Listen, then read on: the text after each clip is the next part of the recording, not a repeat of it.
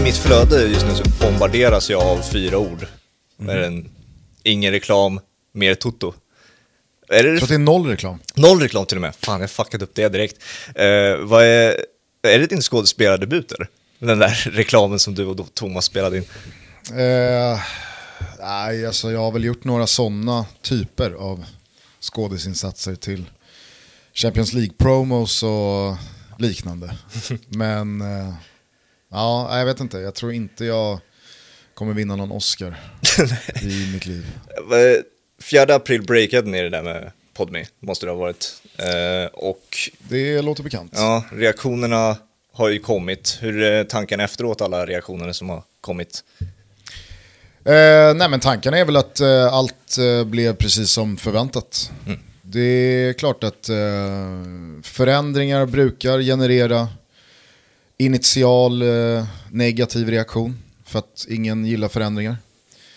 Jag var med om det när vi tog över Champions League från uh, Viaplay. Mm. Uh, det är först när liksom vi premiärar och folk märker att vänta nu, nu är det någon förändring här. Och jag har ju det här abonnemanget och vad då måste jag skaffa det här? Och, oj, nej, usch, bu! Ja, det, bu. Var, det var väldigt mycket då. Ni är så dåliga och de är så bra.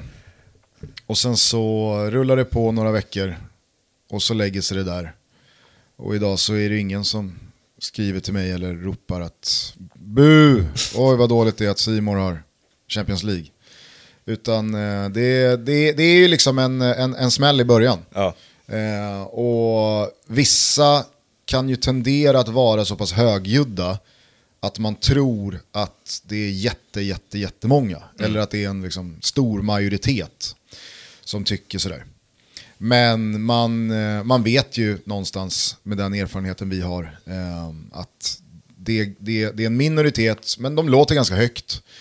Och så får man ha full respekt för att eh, alltså, dels att folk inte gillar förändringar, dels att alla inte är villiga eller beredda eller kan betala 79 spänn i månaden.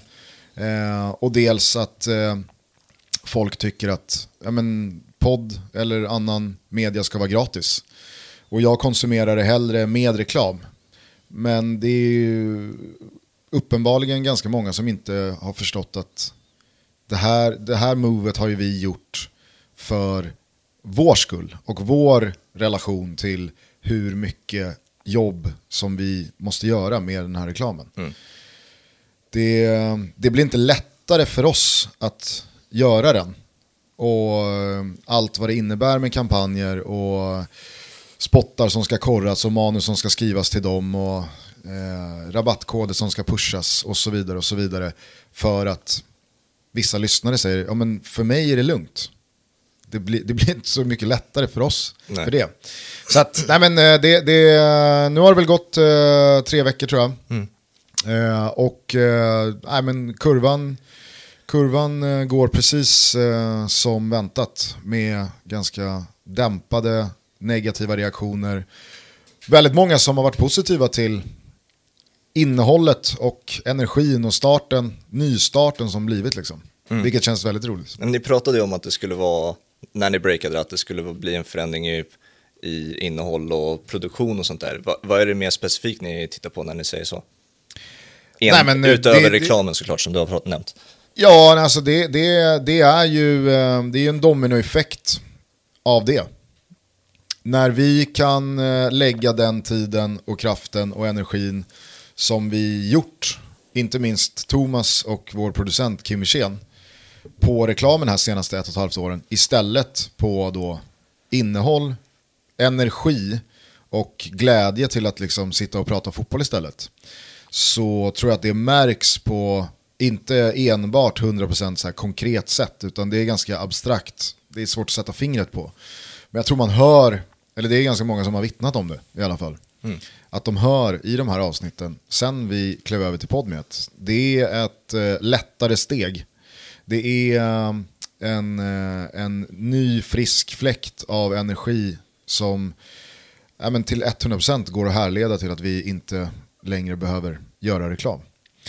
Sen så kommer det, det, det, finns tid till att göra ett nytt eh, segment och slipa och fila på det. Kim kan lägga mer tid på eh, att klippa avsnittet lite mer varsamt och roligt och ha tid att jaga något roligt klipp som ska in eller någon eh, bara ljudsnippet som ska in.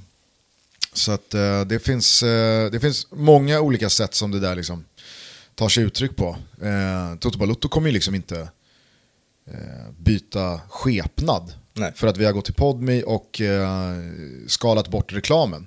För att vi vill ju göra Toto Balotto och jag tror att väldigt många lyssnare de vill att Toto Balotto ska vara Toto Balotto. Så att... Ja, verkligen. Eh, hade ni, i, i och med att det inte var det där kanske lätta steget där, ni pratade om det de senaste två åren eller något sånt där, mm. hade ni någonsin, någonsin det där hemska, är det dags att lägga av snacket? Eh, nej, det kom aldrig dit. Just för att vi tog tag i den biten i tid. Mm.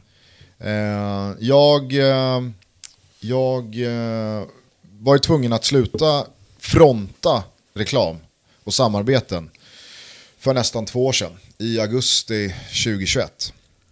I och med att mitt avtal med TV4 då kickade in och med ett sånt avtal så lyder jag då under TV4s policy att deras profiler inte får liksom, ja men fronta andra företag och göra reklam för olika sponsorer och så vidare. Eh, och där och då så då löste jag och Thomas det med att helt enkelt, liksom, men då får Thomas ta den bördan utåt. Sen har jag varit så liksom, behjälplig och kunnat hjälpa till med så mycket jag har kunnat. Men när det kommer till sådana här samarbeten och till det här jobbet så är ju det bara till en viss del. Det blir liksom inte 50-50 i det. För att Thomas är den som måste göra alla stories, som måste göra alla spottar och som behöver vara den som tar om när det ska korras och som, eh, som eh, behöver lägga mer energi på det än vad jag har kunnat. Um, och det funkade ju, alltså det har ju funkat fram tills den förändringen vi gjorde här för några veckor sedan. Men eh, det var väl kanske något halvår sedan där vi började känna att så här, det här börjar knaka i fogarna oss emellan för att det är sån skev arbetsbelastning. Mm. Eh, och vi kan inte göra så mycket åt den så länge vi ska fortsätta med reklam och jag har tänkt att fortsätta på TV4 och Simor. Mm.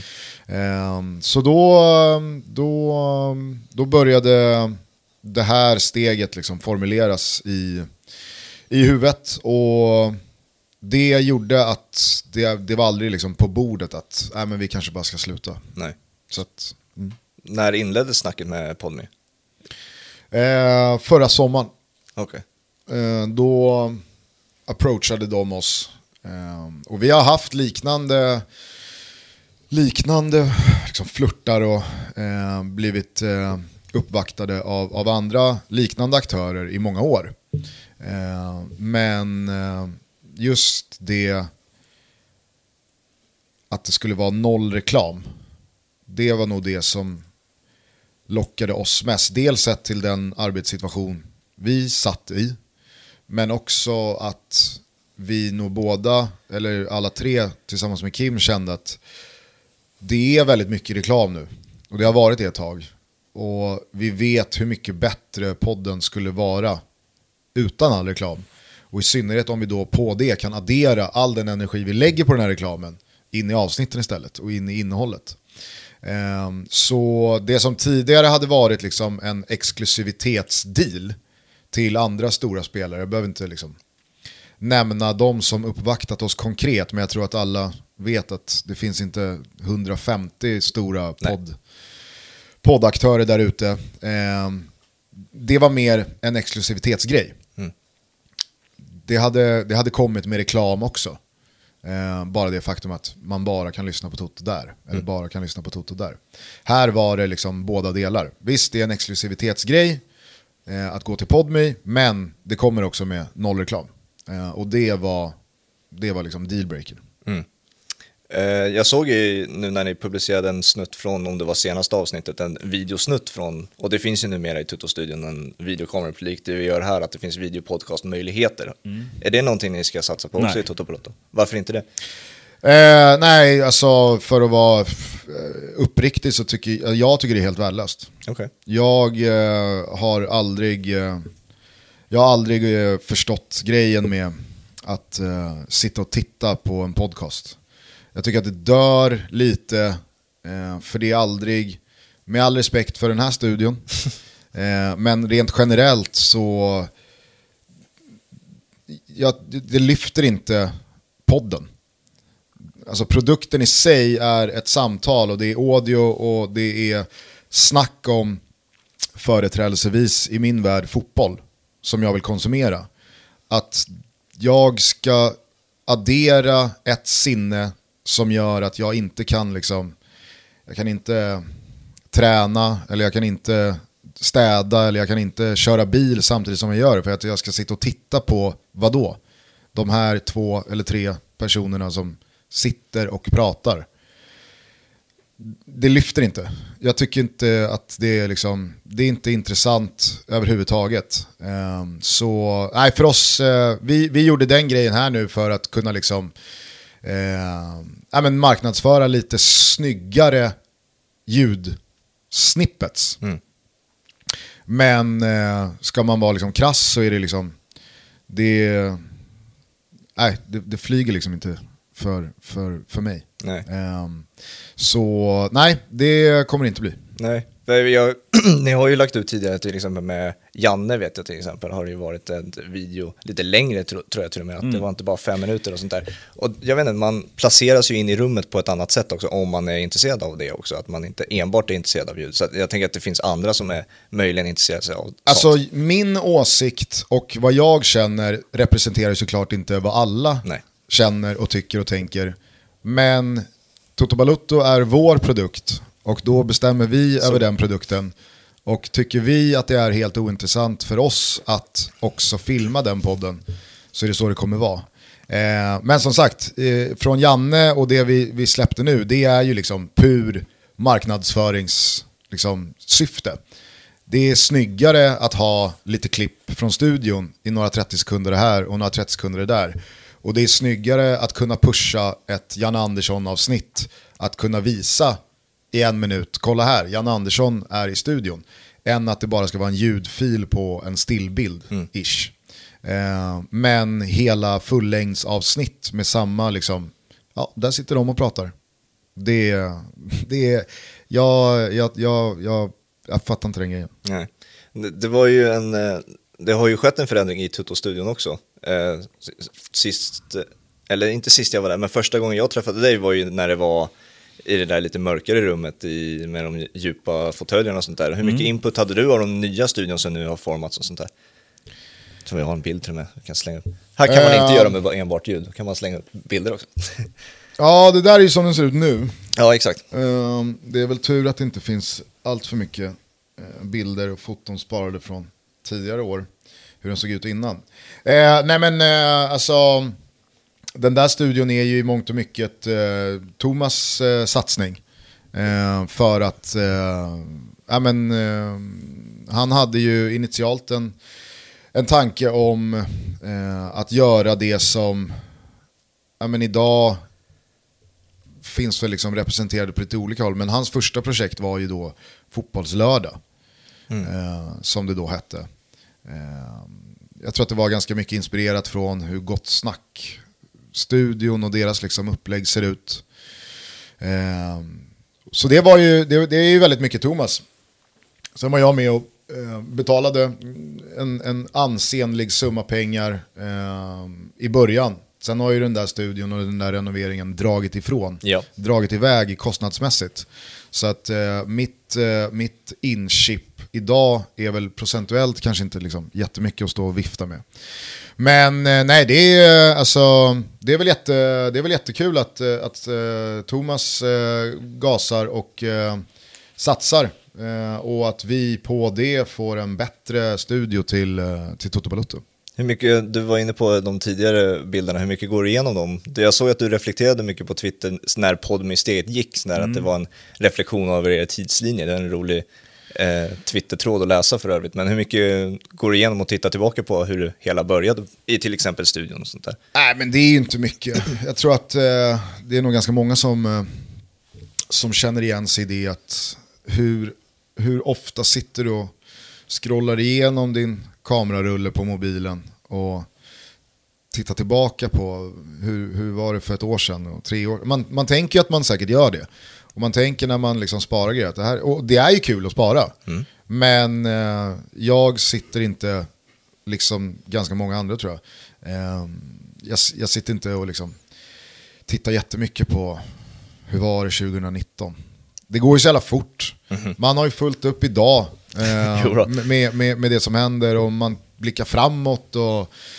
Sen är det jättekul, som nu när, vi, när, när jag gjorde den där tråden inför, inför vår flytt, när man liksom gick en promenad längs memory lane. Mm. Eh, men eh, nej, jag... Den, den resan jag gjorde då, den gör jag inte jätteofta. Nej, okej. Okay. Ni har ju sagt att avsnitt 1000 är ledstjärnan, riktmärket dit ni siktar mot. Eh, har ni räknat på ungefär när det blir? Eh, det skulle väl vara ungefär två, två och ett halvt år. Mm. Och vad händer efter tusen undrar man ju då, om det är målet så att säga? Vi, vi, har, alltså, vi har alltid varit liksom, ärliga med att tusen är riktlinjen, målstjärnan, riktstjärnan, målbilden. Um, når vi dit så når vi dit, skitkul. Uh, vad som händer efter det, om det blir tusen till eller om det blir slutet eller om det blir 1500 eller om det blir liksom något orent 1112. Ingen aning. Orent? jo men eh, det, det, det, finns ju en poäng med att rent släppa micken på tusen avsnitt. Ja den är mäktig. Eller 2000 avsnitt. Mm -hmm. Det finns ju något orent i att sluta eh, en långkörare bara liksom Ja, det blev 1112 avsnitt. Okay. Mm. Eh, men det, det är jag helt övertygad om i sådana fall kommer vara, alltså hade det blivit så så hade det blivit så för att det där och då hade varit det bästa alternativet. Eh, och som sagt, jag skulle säga att det är, vi är väl på 720 avsnitt idag, 722 avsnitt ordinarie. Eh, vi gör minst 104 avsnitt om året. Eh, så att, ja, två och ett halvt år är tillräckligt lång tid framåt i tiden för att kunna säga och mena det att jag vet inte. Nej, vi får jag, se. Vet, jag vet inte vad som, vad som är aktuellt då. Nej, men med dina reflektioner och sånt där kring det ni har gjort, men också som du säger, du, in, du var inne på dina tankar kring videopodcast och sånt där. Vad, vad är din reflektion kring fotbollspoddar rent generellt? När man är där uppe på toppen är man ju intresserad av. Vad, vad tycker du om utbudet som eh, levereras ut idag? Eh, jag tycker att det verkar vara ett, ett väldigt eh, djupt utbud. Eh, jag själv eh, konsumerar inte allt för mycket. Jag eh, lägger den liksom, tid jag har i veckan på att lyssna på poddar till väldigt mycket trav. Jag lyssnar på travpoddar. För att jag tycker det är väldigt roligt. Och jag nås av information och eh, lär mig saker och får ut saker av de poddarna som jag inte får ut av fotbollspoddar i ganska hög utsträckning i och med att det är jag själv så liksom insyltad i, alltså fotbollsvärlden jag konsumerar fotbollsmedia och fotbollsnyheter och ser matcherna eh, och eh, gör en egen fotbollspodcast. Så att jag, jag, jag får mycket mer ut av att lyssna på en travpodd kring eh, de lopp och hästar och, och, tränare man är intresserad av men som man själv inte kan så mycket om. Eh, så för att svara på frågan så tycker jag att eh, det verkar finnas eh, en, en, enorm uppsjö av poddar idag eh, som täcker in det mesta. Eh, sen är det ju, liksom, det är en sliten klyscha men jag tycker att ganska många eh, fortfarande har för eh, låg, alltså när, när man då ramlar över någonting och när man då lyssnar på någonting eller hamnar i någonting eller ser något klipp från någonting. Någon har sagt någonting i någon intervju och så klickar man sig in där och så vill man lyssna på det. det är, jag slås fortfarande av eh, hur många poddar som liksom är... Det, det är för låg ambition. Mm. för låg ambitionsnivå. Med allt från liksom ljud till ja, men kanske bara rent innehåll. Mm. Eh, sen, alltså herregud, det är väl lätt att från mitt håll säga att oh, det, det, är inte lika bra som det här, eller det är inte lika bra som det där. Men, eh, eh, och, och, det tror jag bara har att göra med hur jag själv fungerar. Alltså jag, jag hade, jag hade om, när jag gör en podcast, eller när jag gör någonting, då vill jag att det ska vara så bra som möjligt. Och känner inte jag att fan det här är inte så bra, då, då vill jag göra det supermycket bättre tills man är nöjd. Annars så är det bättre att liksom lägga ner. Och så gör man någonting annat när, när det flyger. Det känns idag som att liksom, väldigt många poddar som bara tuggar på. Mm. På liksom en två plus nivå. Ja, men det är därför också intressant att veta vad, du säger att det är bara din tanke, men jag tror det är också väldigt intressant att veta vad de som faktiskt har tagit det där stora steget faktiskt tycker om det, om utvecklingen som sker på fo äh, fotbollspodcastnivå. Alltså, jag vet inte, jag vet inte om, eh, om eh, mark, alltså, den poddmarknad som finns nu, som jag säger, som jag, som jag tänker är ganska, det, fin, det finns ett jävla utbud av poddar. Mm. Men alla har ju, alla stora mediehus har sina respektive poddar. De flesta ligor och lag och det, det, det, är, ett, det, det är en uppsjö mm. av poddar. Och idag så, nu på sistone så har det ju dessutom blivit liksom en, en mängdskillnad i eh, frekvensen från vissa, alltså det fin- Fotbollsmorgon kör fem dagar i veckan. Yeah. Toto-svenskan kör eh, live tre gånger i veckan. Eh, det, det, det, pressar ju hela, det pressar ju hela tiden liksom allting framåt. Men jag vet inte var gränsen går för när den mängden börjar gå ut över liksom kvaliteten och när den mängden når eh, en gräns för vad folk har tid att konsumera. Det är inte speciellt många år sedan Toto Balutto startade, det är sju år sedan, men vi var ju liksom vi var ju nyskapande i det att vi är två avsnitt i veckan. Mm. Eh, det var ju 100% mer än alla andra då. Idag så är det liksom, ja visst, två, två avsnitt i veckan är fortfarande fler än väldigt många andra. Men eh, idag så, jag och Thomas hamnar i lägen där vissa grejer känns gjorda. Ja, och det känns inaktuellt mm. två dagar efter att det hänt. Eh, vi spelade en match på fredagen. Det känns ju iskallt att snacka om på måndagen. Liksom. Så det går, det går ju väldigt snabbt. Och, och, och, den här utvecklingen pushar ju allting hela tiden framåt och pressar det framåt eh, i form av liksom, eh, aktualitet, kvantitet, sändningsdagar, antal publiceringar. Men jag tror nog att vi redan är inne på liksom, eh, en kvalitetstumning. Mm. Det man liksom vinner i, vi kör fem dagar i veckan. Eller vi kör fyra eller tre dagar i veckan till några procent så tror jag att man liksom också då förlorar lite i eh, kvalitet. Såklart, mm. herregud. Göra tio timmar innehåll i veckan, det är, ska det vara liksom fyra plus som sämst? Det är svårt. Jag hade, när jag hade Backe här så blev jag så förvånad över att han hade, när han, han gör ju sin fotbollspodd nu, och så han fick ju pitchen att han, eh, pitchen var att äh, men det är en brist. Utbudet på fotbollspoddar är en brist. Och det var jag så otroligt förvånad över att höra. Att någon från någon eh, produktionsbolag tyckte att det är en brist på det. För att det är inte den upplevelsen man har. Ja. Nej, jag ska inte... Jag ska inte... Eh, dechiffrera Hasse Backes eh, tankar och åsikter allt för mycket. Men någonting säger mig att han kanske inte har en fullskalig bild av hur den aktuella poddmarknaden ser ut. Och att han kanske har gått i någon slags övertalningsfälla när då de har velat få Hasse Backe mm. till en podd. och använt sig då av argumentationen det finns inte tillräckligt många bra poddar där ute Hasse. Du måste göra den.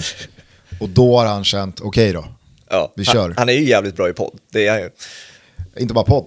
Nej, såklart. Hasse Backe är, uh, han är um, otroligt bra på att göra de flesta mediala sammanhang. Mm. Uh, jag tänkte vi kunde ta en av de avslutande avsnitten jag hade innan Podmi som du har fått så otroligt mycket beröm. Jag berömde dig själv eh, till dig för bara någon vecka sedan. Men vi behöver inte prata om, så mycket om innehållet och det som har hänt för det och vet alla vad som har hänt och hur övertjatat det är. Men jag tänkte bara när, eh, nu i efterhand, hur mycket du har reflekterat kring allting som hände och eh, all respons du fick och sånt där. Hur, hur det är att se tillbaka på det där 712 avsnittet tror jag det var. Ja, äh, men eh, det det handlar om är ju då Jannes meltdown i yes. via Play Studio efter, efter EM-kvalet. Eh, äh, men det, det, det blev, eh, jag vet inte om liksom stjärnorna på något sätt stod rätt.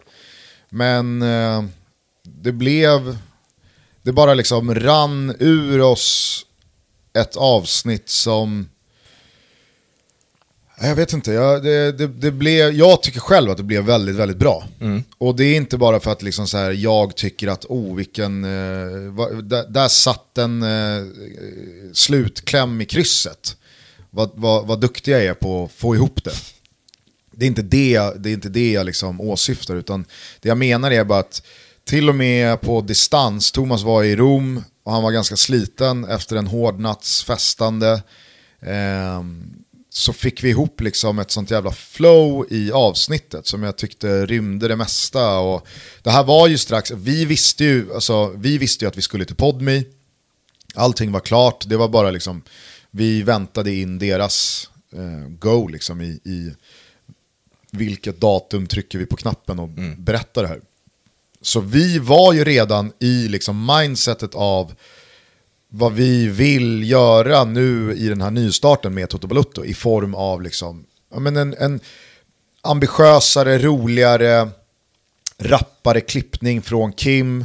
Eh, och att vi liksom vill ha ett, ett, eh, ett nytt klipp i steget och bättre energi i, i avsnittet eh, och, och i, i snacket mellan mig och Thomas. Och jag vet inte, jag, jag, vi, vi fick bara till det liksom. Och sen så Sen blev det ju bra med den där liknelsen som flöt genom avsnittet med att eh, ja, men med den där balsamikon i rödvinssåsen från eh, Sveriges Mästerkock. För jag tycker verkligen att det, det, var exakt så Janne behandlade sitt eh, gästspel i studion.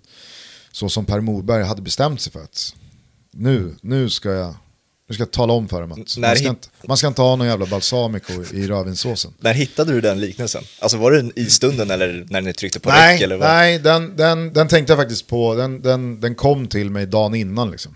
Aha. Så tänkte att det, här, det där är en bra analogi för liksom, vad jag vill säga. Mm. Så dels så vill jag säga det, men sen så vill jag också eh, nå till, till eh, ja, men konklusionen Eh, varför det där var en jävligt viktig stund. Mm. Varför vi var tvungna att liksom prata mer om den.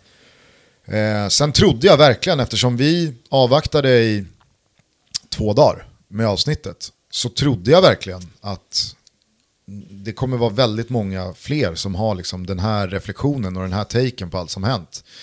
Men eh, jag vet inte, jag blev väldigt, eh, väldigt förvånad och deppig av efterspelet. För jag tyckte att det var så, det var så dumt från, från liksom alla inblandade. Även alla de som så konsumerade det. För det blev sån jävla... Eh, det, det, det, blev så segregerat. Team Janne eller Team Bojan. Någon har 100% rätt och någon har 100% fel. Och att inte kunna liksom nyansera det som hände och, och förstå att det här säger någonting om någonting som är väldigt liksom... Eh, problematiskt.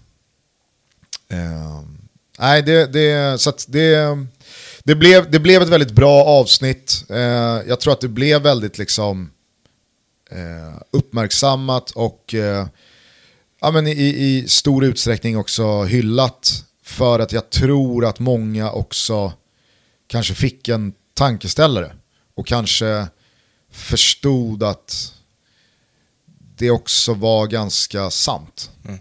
Um, och det är inte alltid uh, en, en fotbollspodd som Toto Balutto. Det är inte vårt liksom, det är inte vårt kall i livet att vi ska uh, förklara uh, samhällsstrukturer. Så här ligger det till. Nej, eh, men ibland så, i, i, och i det här, alltså, ibland så, så, så rör vi oss i de eh, länderna.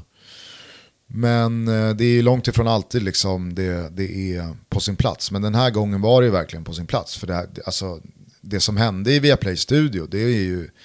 Okej, okay, nu är jag i branschen och jag kanske är liksom eh, närmre det där än många andra. Just för att jag liksom jag står själv i de där studiosituationerna. Och att tänka sig in i att vara Niklas Gide i det ögonblicket, det är, det är liksom... Det är svårt. Oh. Eh, men eh, oavsett om man är liksom Niklas Gide eller mig eller bara någon som kollar på fotbollsstudiosändningar så är det ju de mest explosiva minuter som gått ut i svensk sport-tv-historia. Eh, så att, nej, det, det, blir, det blir eh, spännande eh, att se fortsättningen här. I juni ja. Nu när För nu är det, det är dags om fem, sex veckor. Ja. Kändes det på något sätt, jag, jag tvekar inte på att ni på ett, något sätt ändrar er i ert innehåll beroende på vem ni pratar om och sånt där i Toto. Men ni har ju haft Janne i studion och haft en god relation med honom och sånt där. Är det någonting ni tänker på överhuvudtaget eh, när ni när ni är så pass hårda och direkta i era tankar som ni är i det avsnittet? Eh, alltså det är väl klart att eh, vi har ju haft gäster som man senare, kanske innan också, jag menar, det, det, är, ju, det är ju en dans att dansa ibland. Man behöver inte vara bästa vänner med alla. Nej. Vi får ju ibland ut någonting av att ha en gäst hos oss. Den gästen får ut någonting av att gästa Sveriges största fotbollspodd. Man behöver inte liksom älska varandra eller eh, bli, bli bästa vänner eh, under avsnittet eller efter det bara liksom tala gott om varandra. Utan det, det, ibland så är ju det här bara en, en dans, som sagt. Eh, men det är väl klart att vi har haft gäster som vi kanske har haft en relation till tidigare. Och sen så gästar den personen Toto, och sen så kanske det går något år och så händer det någonting. Och det är väl klart att vissa broar bränns ju och vissa relationer förändras. Så bara för att någon gästade Toto Balutto 2018 så betyder ju inte det att den personen är immun från att kunna bli kritiserad i samma podd tre år senare. Nej. Eller fem år senare. I Jannes fall så har ju vi upplevt att vi har haft eh, väldigt bra sittningar med honom. Eh, vi har upplevt att han har trivts bra Eh, i, i, i vår studio och i vårt format. Eh, och det, det vittnar väl om, alltså det vittnar väl att han kommer tillbaka upprepade gånger eh, om, om, samma sak. Eh, och i det här fallet så, jag tror att liksom, lyssnar man på avsnittet och det vi säger, jag, jag skulle ha noll problem att liksom, säga det till Janne face to face också. För jag tycker att han i hela den här situationen, som inte bara är de här tre minuterna i Viaplay-studion när topplocket flyger, utan i hela nedgången, den resultatmässiga nedgången senaste ett och ett halvt åren, vad det nu kan vara, har varit liksom, alltså han får vara precis hur han vill, men jag hade kunnat liksom, jag hade kunnat säga vad jag tycker och tänker om det och i varför det har blivit som det har blivit. Men kanske framförallt som vi någonstans landar i det här avsnittet. Varför säg att du är pressad, säg att du är stressad så inåt helvete då. För det, det, alltså, det, om du nu ändå väljer att köra den liksom mediala taktiken att spela på att du är bara en vanlig människa, då är det väl superrimligt att då bara säga jag är, jag är jävligt pressad. För det tror jag man ska komma ihåg när det kommer till Janne Andersson. Det här är ju första gången som han i en oerhört lång fotbollstränarkarriär upplever att det går motigt på ett nationellt plan. Mm. Fram tills SM-guldet med Norrköping så har ju Jan Andersson bara varit en liksom lokal är kanske orättvist, men i alla fall alltså, som max regional angelägenhet. Han har varit tränare i Halmstad, en kortsväng i Örgryte och sen i Norrköping. Alltså om det går dåligt för Jan Andersson som tränare i Halmstad, Örgryte eller Norrköping pre-2015. Det är ingenting som 4, 5, 6 miljoner svenskar reflekterar över. Nej. Fram till dess var han ju bara liksom en allsvensk superettan-tränare i mängden.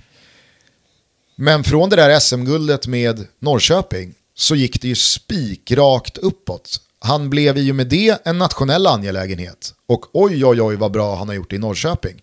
Fem plus, hatten av, Janne kung. Han pratar om eh, eh att eh, allt ska vara som det alltid har varit och korv är gott och det är bra grejer va. Mm. Eh, det, det, är liksom, där började det ju rulla på. Och från det så tar han Sverige till ett VM efter eh, att ha haft eh, Holland bakom sig i en kvalgrupp och slår ut Italien i playoff. I samma VM så går vi till kvartsfinal för första gången sedan 94. Eh, på det så eh, rullar det ju på med ett EM-kval därefter. Som också går kanon. Vi säkrar en EM-plats. Alltså det, är här, det har ju bara varit stormvarning på medvinden. Mm. Och allt har varit 5 plus. Och jag tror att liksom man, man, man ska inte underskatta vad det gör med en människa men också liksom en, en, en, eh, en aktiv inom elitidrott, i det här fallet fotboll, när det väl börjar gå då. Det är därför det är liksom så här, det är därför det är en sån stor grej med en spelare som kanske åker på en knäskada efter en karriär som inletts med tre, fyra, fem jättelyckade säsonger. Det har aldrig gått emot. Och så pang så smäller knät. Och så ska du vara borta ett år. Vad, vad gör det med en 22-årig kille? Att oj, oj, nu ska jag stå vid sidan om. Rampljuset slocknar. Är jag så bra? Det här är en lång väg tillbaka. Det, det, liksom, det, det blir en jävla prövning. Mm. Och att Jan Andersson då efter så många år av exceptionell liksom, framgång och uppburen som liksom, alla älskar Janne. När det då vänder resultatmässigt, då är det väl klart att opinionen också kommer svänga. Missar man ett mästerskap som svensk förbundskapten och följer upp det med att åka ur en Nations League B-division genom en riktigt, riktigt risig resultatrad jag är ledsen men då kommer du få skit. Det är, bara, det är så det fungerar. Och har du trott något annat, då har, du liksom, då, har du, då har du haft en felaktig bild av vad det innebär att vara förbundskapten för Sveriges A-landslag. Mm. Det, det, är bara, det är simple as that. Mm. Och det där med att det inte ska bara vara negativa frågor och sånt där med vinkeln på hur journalistik ska funka och sånt där. Det är, Exakt. Det är ju det som, vad ska, vad ska man säga, just nu stora rubriken kring Jan Andersson, att du måste kunna hantera den biten också. En seger mot Azerbajdzjan på hemmaplan suddar liksom inte bort större misslyckanden i närtid. Nej. Det, och det hade ganska många kunnat liksom förklara för Janne. Trots 5-0 här, trots tre poäng, trots allt vi liksom kunde kräva och önska av de här 90 minuterna. Det, det, det, det gör inte att 2022 och det missade mästerskapet innan det och 0-3 mot Belgien. Allt är inte bara liksom glömt Nej. och utsuddat. Utan det är precis på samma sätt som att man kan leva länge på en VM-kvartsfinal och en sån framgång. Den ger ju dig liksom krockkudde och mandat till att liksom åka på en torsk här och där. Eh, på samma sätt så får du ju bära med dig misslyckanden också de, de ligger kvar i den där vågskålen när det kommer till folks liksom, omdöme. Sen är det som Janne säger, det är han som är förbundskapten, det är han som bestämmer och så länge han har förtroendet från förbundet, ja då, då alltså tågordningen är det ingen som ifrågasätter. Men alla som följer det här landslaget har ju rätt till sin liksom, åsikt mm. och, och, sin, sin smak och sitt tycke. Så att, eh, det, var, det var, jag vet inte, eh, jag tror eh, om, om, om jag ska sy ihop ett långt anförande från din fråga, så eh, ja, jag tror att om inte Janne liksom är allt för, nu har han och för sig varit ganska liksom, lättstött senaste tiden, eh, men om han lyssnar på det där avsnittet, vilket han säkert har gjort, Troligen. eh, då kan han också både hoppas och tro att han känner superrimligt. Mm. För att alltså, vi säger ju inte att Janne är rasist. Nej. Vi säger inte att Janne har sagt något rasistiskt. Det vi säger, det är, eller det jag säger, det är att Janne har sagt någonting som Bojan har tolkat som ett ifrågasättande av liksom att Bojan är svensk. Och det, det, det måste man ju kunna liksom peka ut och understryka. Eh, utan att man liksom ska vara någon som tar heder och ära av en annan människa. Sen så är väl Jan Andersson helt fri att, eh, han- kanske sitter på sin kammare och tycker, det där, det där kommer jag aldrig förlåta eller glömma, hur man kan säga sådär. Men då, då, då har jag inga problem med det. Nej. För att jag, jag, jag vet vad jag har sagt, jag vet vad jag tycker och eh, tänker och jag vet att jag hade, liksom, jag hade kunnat eh, sitta face to face med Janne och säga samma sak igen. Mm. Om vi spinner vidare på det då till det som kommer i juni, hur mycket ser du fram emot det? För det här, nu är det ju en direkt efterföljd av det som faktiskt exploderade. Eh, tänker du rent medialt nu eller tänker du sportsligt? Eh, Jag tänker både och, men jag tänker vi får börja någonstans. Så jag tänker eh, medialt först, eftersom att det är där vi slutade på ett sätt. Ja, nej men eh, medialt så, så är det väl klart att man ser fram emot eh, Första frågan på press, Ja, presskonferensen. men, alltså, ja det, dels det.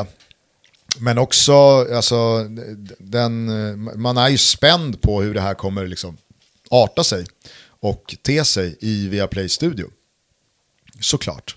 Sen är jag helt övertygad om att alla inblandade eh, vill inte liksom hamna här igen. Nej. Jag tror Janne och förbundet och landslaget, de vill inte hamna här igen. Jag tror inte Viaplay vill hamna där igen heller.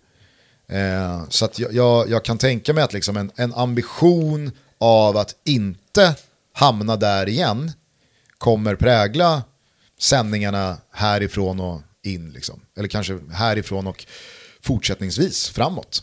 Eh, så jag, jag, eh, jag skulle kunna jag skulle kunna sätta en slant på att Janne inte kommer tappa det igen i Viaplay Studio.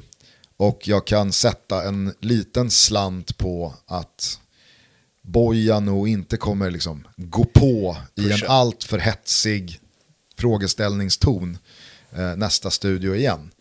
Eh, med det sagt så säger inte jag att någon liksom eh, fegar ur eller att liksom man på något sätt försöker censurera Bojan eller censurera Janne. Alltså, jag tror bara att det som hände, ingen, ingen vill att det ska hända igen. Ehm, så nej, jag, jag är helt övertygad om att liksom, det kommer vara en ganska ödmjuk Jan Andersson rent medialt. Eh, som nog, eh, alltså det blir, ju, det blir ju viktiga veckor och dagar. Eh, men återigen, i den här branschen som han är i, allt handlar om resultat. Han kan göra en svag medial liksom, eh, pre-game-period. Slår vi Österrike med 3-0, då skiter 98,7% i det. Gör vi det då? Gör han en kanon liksom, pre-game medial period och vi torskar med 3-0, då har han inte så mycket före ändå. Nej. Eh, så att eh, det handlar ju om matchen, liksom. det handlar om resultatet. Och sett till eh, den, eh, den matchens liksom, tyngd, jag vet också att det finns ett par matcher och det finns ett par poäng att spela om även efter Österrike borta. Men om vi utgår från att den här matchen är någon slags liksom T-korsning. Vinner vi så är det vi som följer med Belgien till EM och torskar vi så är det Österrike som gör det. Då tror jag nog att eh, det, det mycket väl kan vara inte, inte spiken i kistan, men det kommer vara en, en match som i förlängningen då innebar någonting som hittills är liksom det tyngsta jag nog har upplevt. För att, att vi åker ur en A eller en B-division i Nations League och får en knepigare väg nästa snurra via den turneringen, det är vad det är. Mm. Att vi missar ett VM eh, mot Polen i playoff, det kommer hända igen. Sverige är inte ett lag som, Europa har väl 13 platser jag vet inte hur många, eh, hur många det blir här nu när, när VM utökas. Men fram tills idag så har det ju varit 12-13 platser från Europa till ett VM. Alltså, Sverige kan inte räkna med att var fjärde år alltid ta en av dem. Så att liksom, VM, kommer vi, VM kommer vi bränna även framåt.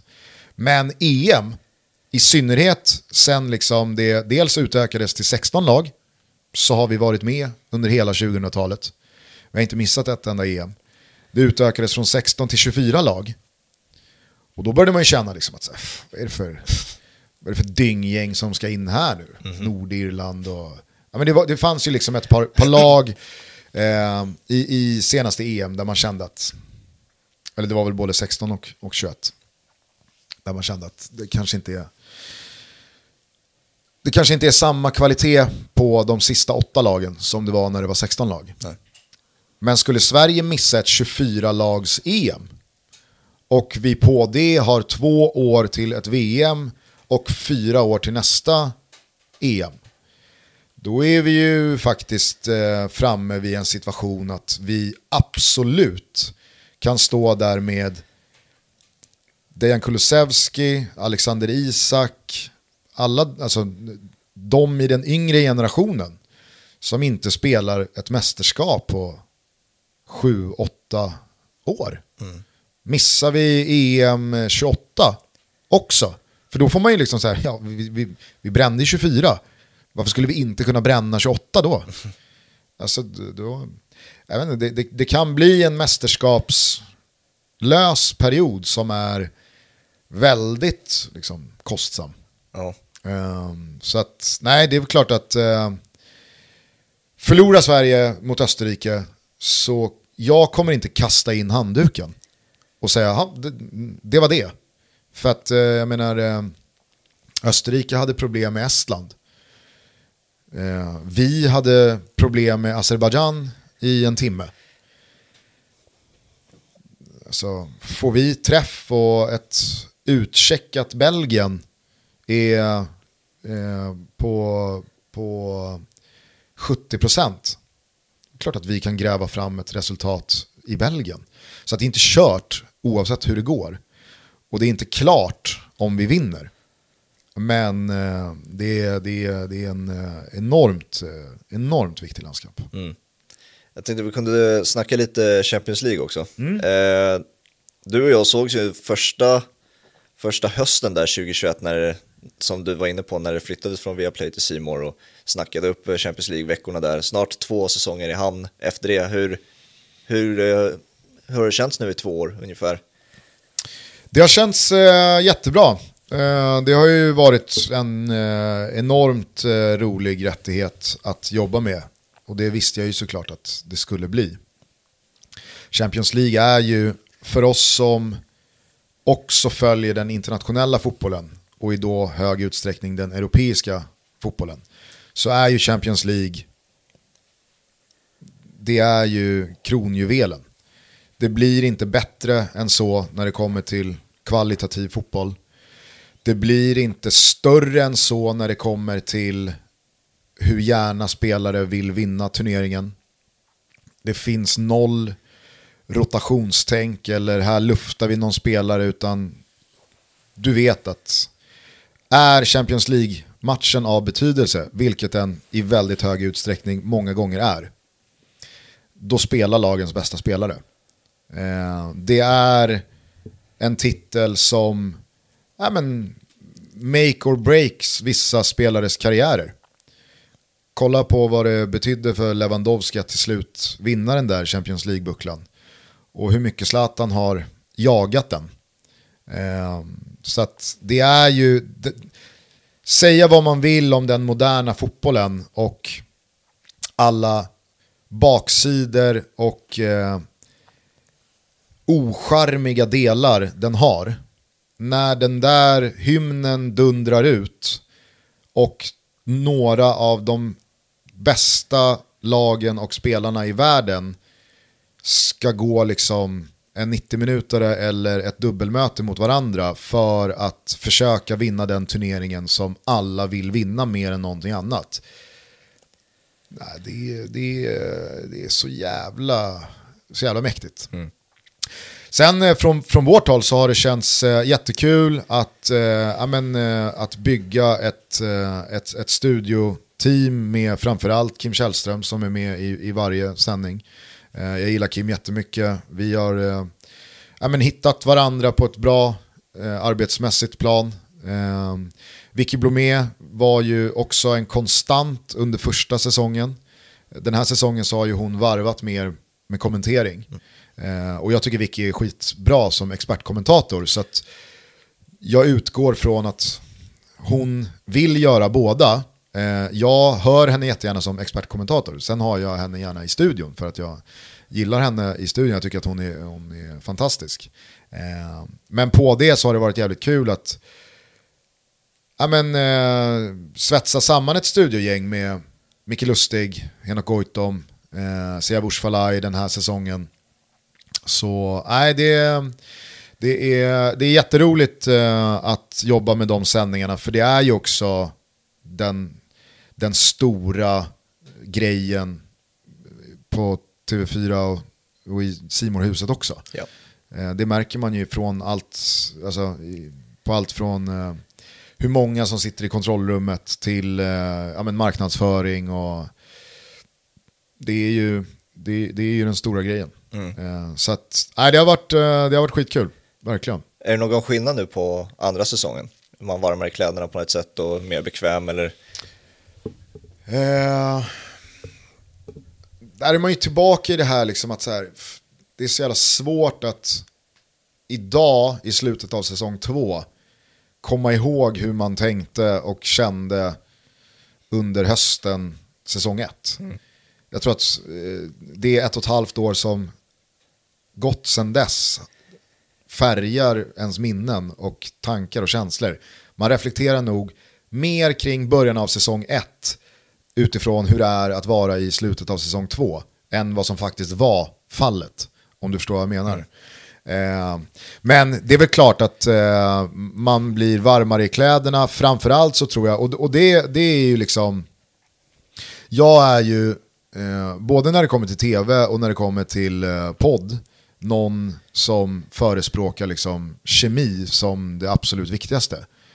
Det spelar ingen roll hur liksom, korrekta och spetsiga saker rent faktamässigt en podcast dundrar ut.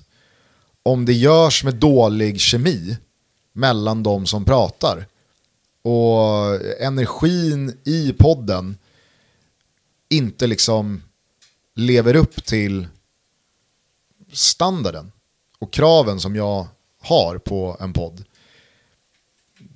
Alltså, då, då slutar jag lyssna ändå. Och det är exakt samma sak i tv. Att hur bra saker du än säger. Gör du det på ett sätt som ja, men det är lågenergiskt eller det, du kanske känns nervös eller det lirar liksom inte i kemin.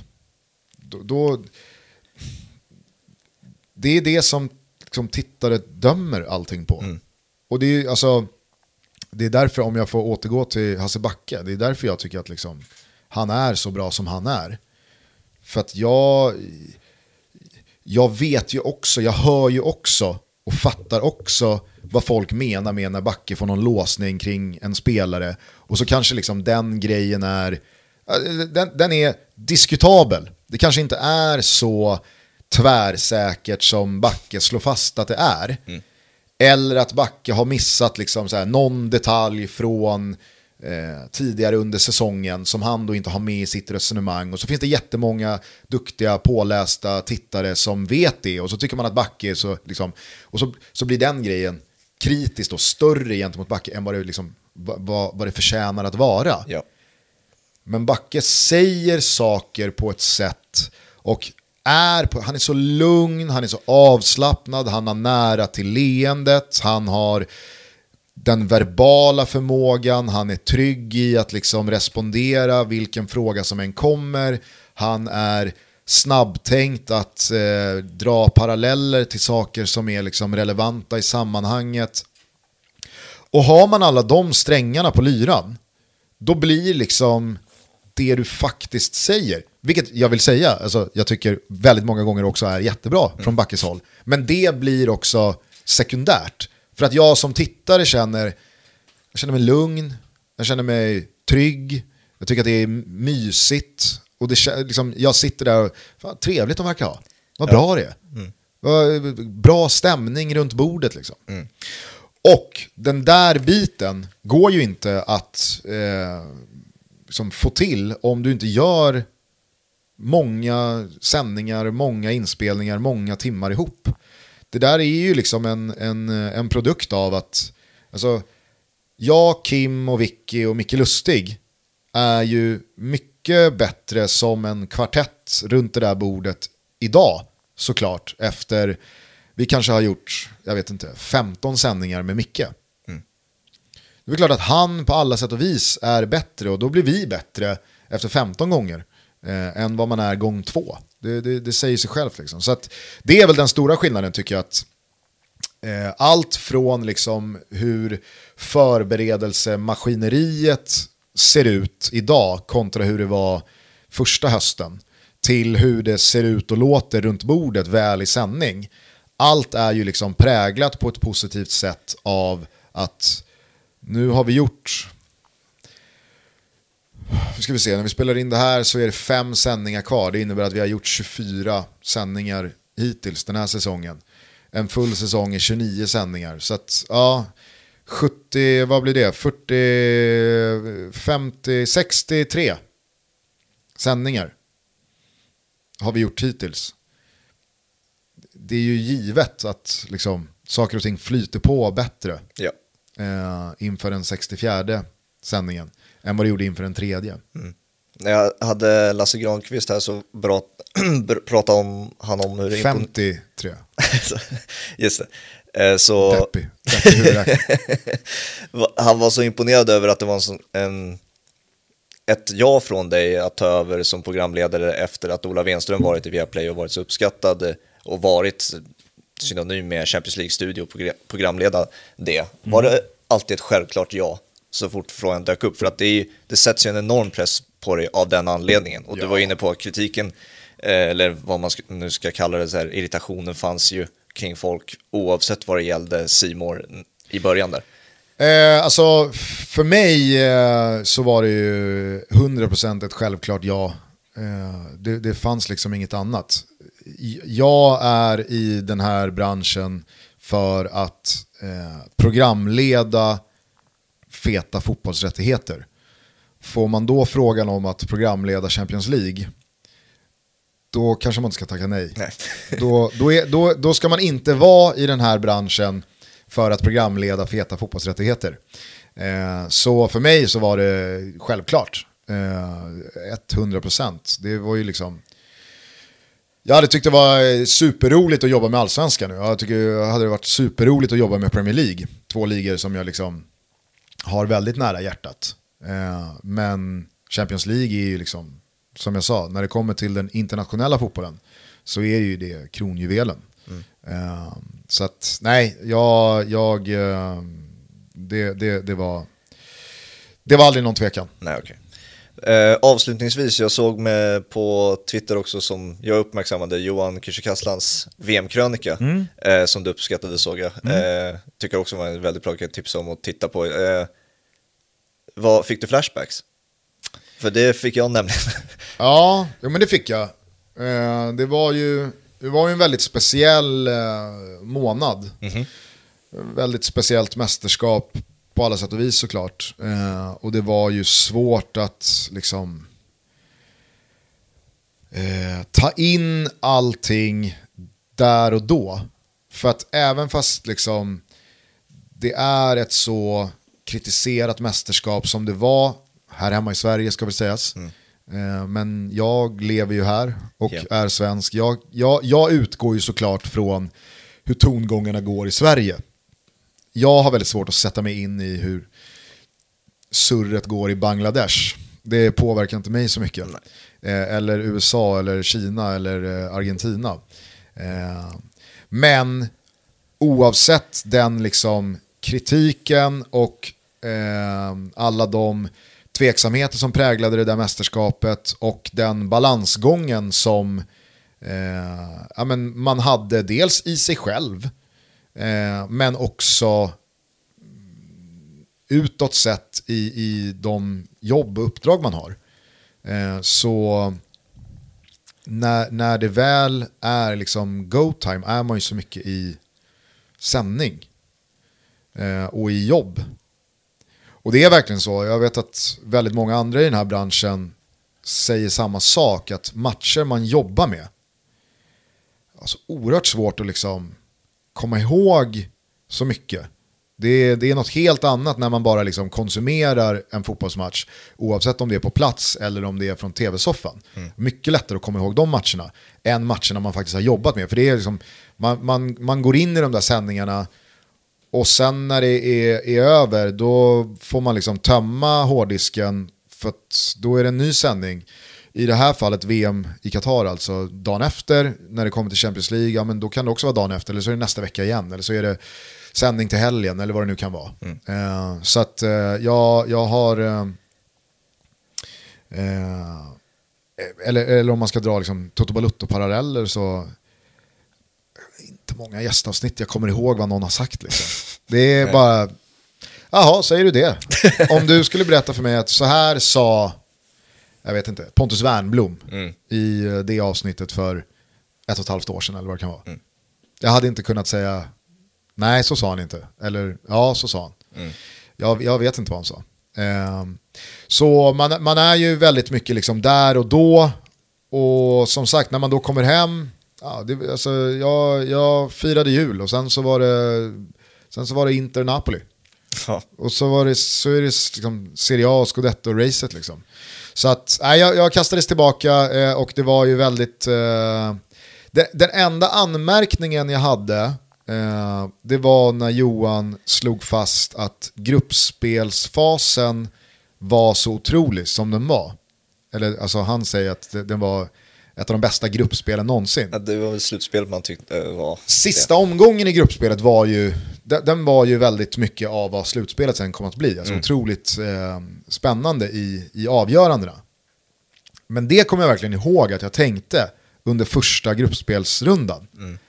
Att vad fan är det här? Jo. Det var så jävla dåliga och tråkiga matcher. Och det var målsnålt och det var 0-0.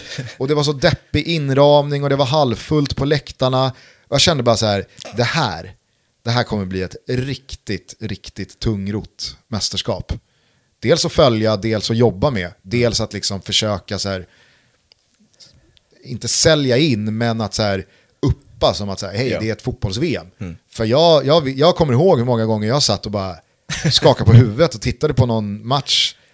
Och det var, ja, det var så lågt tempo och det var inte nära en målchans och det var så deppig inramning.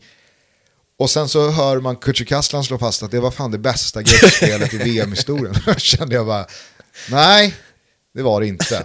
Men sen, eh, alltså slutspelet var ju eh, otroligt. Mm. Och när man gör mästerskap som vi gör, alltså att man delar på det med SVT, så kan du ju ha tur och otur med vilka matcher som man själv då får och vilka matcher som den andra, det andra tv-huset får. Eh, och det, det, det vet jag att liksom, vi tänkte på redan där nere, men det tänkte jag också på när jag såg krönikan. Att, eh, väldigt många av matcherna som liksom tog sig in i krönikan och således blev liksom det man minns av turneringen eh, var våra matcher. Mm. Vi hade en jävla flyt där med, med vilka matcher vi fick. Eh, och sen så var ju den där VM-finalen, alltså det är, det är den absolut sjukaste fotbollsmatch som spelats sett till storlek på den. Alltså det är klart att det finns fotbollsmatcher genom historien som eh, kan tävla med liksom en 3-3 match som mm. går till straffar. Och det är något sent mål och det, det, det har hänt förut. Ja. Och det kommer hända igen. Men just att det är en VM-final och att det är Messi mot Mbappé och...